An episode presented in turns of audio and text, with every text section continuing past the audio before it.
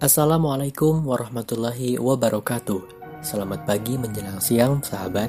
Sebelumnya, mari kita sama-sama berdoa agar kesehatan, keselamatan selalu kita dapatkan dari Tuhan semesta alam, Allah Subhanahu wa Ta'ala. Yang kami hormati, Ibu Nurlaili Hikmawati, SPD, MANT, dan juga teman-teman yang berbahagia Kali ini kita akan ngobrolin tentang salah satu periode sejarah kehidupan manusia, khususnya dalam perkembangan informasi teknologi dan komunikasi, menurut McLuhan, yaitu literasi age.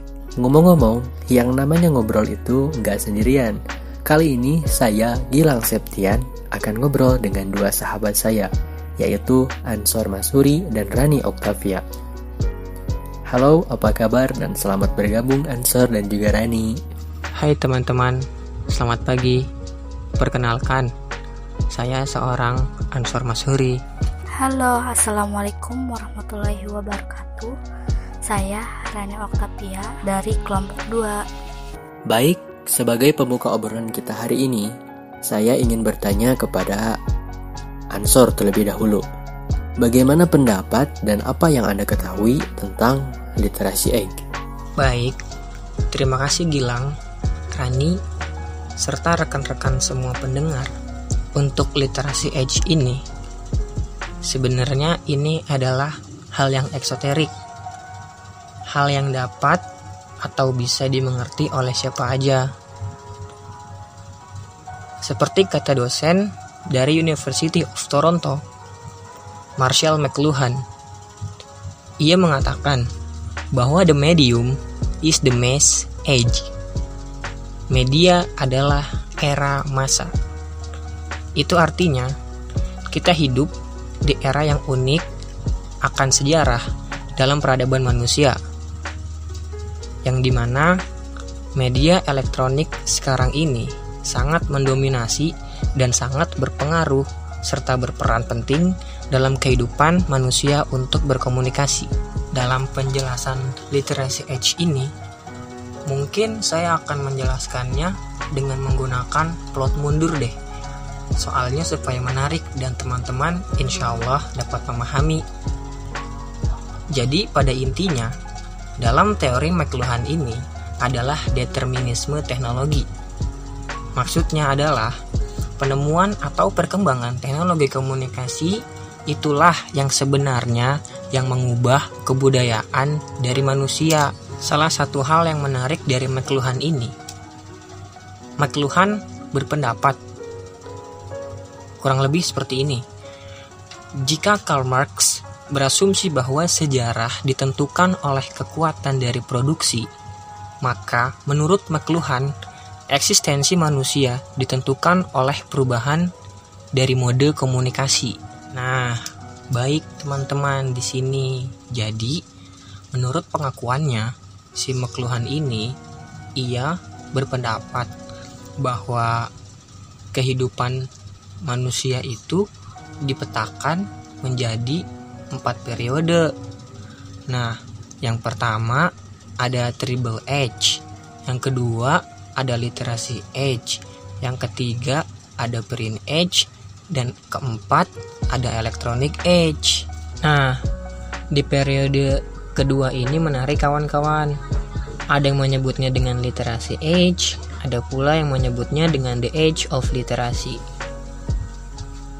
Semenjak ditemukannya alfabet atau huruf, cara manusia berkomunikasi mulai banyak berubah dari sini. Manusia mulai mengandalkan tulisan daripada penuturan Hal ini dapat kita contohkan dengan salah satu peristiwa yaitu permintaan perluasan wilayah yang diminta oleh seorang Amr bin Ash yang mengirimi surat kepada Khalifah Umar untuk meminta izin atas perluasan wilayah. Tak berselang lama, surat itu pun dibalas oleh sang Khalifah Umar yang isinya menyetujui permintaan itu. Oh iya, Gilang, Rani, dan rekan-rekan semua pendengar, kalau ada keluhannya sekarang, saya izin mau menambahkan. Penemuan dan perkembangan komunikasi nggak hanya mengubah kebudayaan kok, tapi juga pola pikir dan perspektif masing-masing terhadap suatu hal. Sebagai contoh, kita semua tentunya memegang ponsel pintar, bukan?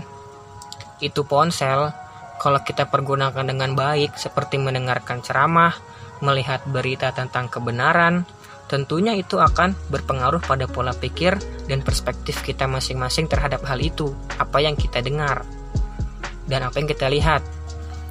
Seseorang yang sering mendengarkan ceramah cenderung akan terus berbuat kebaikan dan menghindari kejahatan, bukan? Nah, maka dari itu, di sini semoga teman-teman semua bisa menggunakan media komunikasi yang terus berkembang ini secara baik dan benar. Terima kasih kawan-kawan. Wah, luar biasa sekali pemaparan dari sahabat saya ini Ansur Masuri yang memberikan pemaparan cukup mendalam tentang literasi Egi ini. Dan terima kasih juga atas pesan yang diberikan. Semoga kita menjadi manusia yang lebih bijaksana dalam menerapkan teknologi dalam kehidupan sehari-hari. Perlu kita ketahui juga, sahabat, bahwa literasi Egi ini merupakan era kedua dari empat era perkembangan teknologi komunikasi menurut McLuhan, yaitu era sesudah Triple Egg, yang di mana pada masa itu mengedepankan pendengaran. Dan di literasi Egg ini mengedepankan tentang tulisan. Dan selanjutnya saya akan berbincang dengan sahabat saya Rani. Dalam perkembangan ilmu komunikasi dan juga informasi teknologi, tentulah memiliki produk komunikasi yang berbeda untuk membedakan dari era yang lain. Nah, di dalam era literasi Egi ini, saya mendapatkan informasi bahwa ada empat contoh yang menjadi produk pada era literasi Age ini, yaitu penetik alfabet, hieroglif, piktograf, dan juga serat papurus. Mungkin Rani bisa sedikit menggambarkan tentang beberapa produk komunikasi pada zaman atau pada era literasi age. Baik, di sini saya akan menjelaskan tentang fonetik alfabet. Apa itu fonetik alfabet? Fonetik alfabet adalah alfabet eja radio telepon yang paling banyak digunakan meski sering disebut alfabet fonetik. Alfabet eja tidak sama dengan sistem transkripsi fonetik seperti International Phonetic Alphabet. Selanjutnya saya akan menjelaskan mengenai pictograph. Pictograph adalah suatu ideogram yang menyampaikan suatu makna melalui penampakan gambar yang menyerupai atau meniru keadaan fisik objek yang sebenarnya. Tanda atau gambar yang termasuk piktogram disebut piktograf. Contoh suatu piktograf meliputi gambar-gambar kuno dan lukisan prasejarah yang ditemukan dalam dinding gua. Piktograf juga digunakan dalam menulis dan sistem grafis. Selanjutnya di sini ada hieroglif. Hieroglif merupakan sebuah karakter dari sistem tulisan Mesir kuno. Skrip logografis yang berbentuk piktografik dalam bentuk yang mengingatkan pada orang Mesir kuno terkadang juga disebut hieroglif. Dalam Neoplatonisme, terutama selama Renaissance, hieroglif adalah representasi artistik dari sebuah gagasan esoterik yang oleh para ahli Neoplatonis meyakini hieroglif Mesir sebenarnya. Dan yang terakhir di sini ada serat papirus. Serat papirus adalah sejenis tanaman air yang dikenal sebagai bahan untuk membuat kertas pada zaman kuno. Tanaman ini umumnya dijumpai di tepi dan lembah Sungai Nil Kira-kira 3500 sebelum Masehi, bangsa Mesir kuno sudah memanfaatkan papirus. Mereka pada saat itu membuat kertas dari kulit-kulit tipis atau kulit-kulit halus papirus. Sebelum kertas seperti yang kita kenal sekarang sudah ditemukan. Wah, luar biasa sekali penjelasan dari Rani Octavia tentang beberapa produk teknologi komunikasi di era literasi age.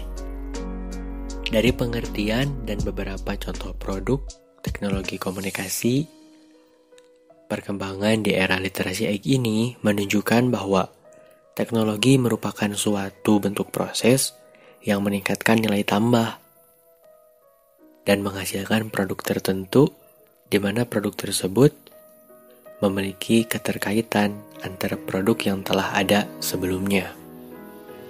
Dan itu terbukti sampai sekarang bahwa teknologi, perkembangan teknologi semakin meningkat, semakin diperbarui, namun tidak lepas dari teknologi sebelumnya yang memiliki pembaharuan di masa sekarang dan di masa yang akan datang. Sahabat, untuk obrolan kali ini kita cukupkan sampai di sini dan terima kasih kepada Ansor dan Rani yang telah ikut bergabung di obrolan kita hari ini. Dan untuk sahabat yang ingin mendengarkan diskusi kami secara utuh, bisa mampir di podcast Pata Morgana. Di sana kami menjelaskan, mendiskusikan keempat era perkembangan teknologi komunikasi menurut McLuhan. Sampai jumpa di sana. Salam luar biasa. Wassalamualaikum warahmatullahi wabarakatuh.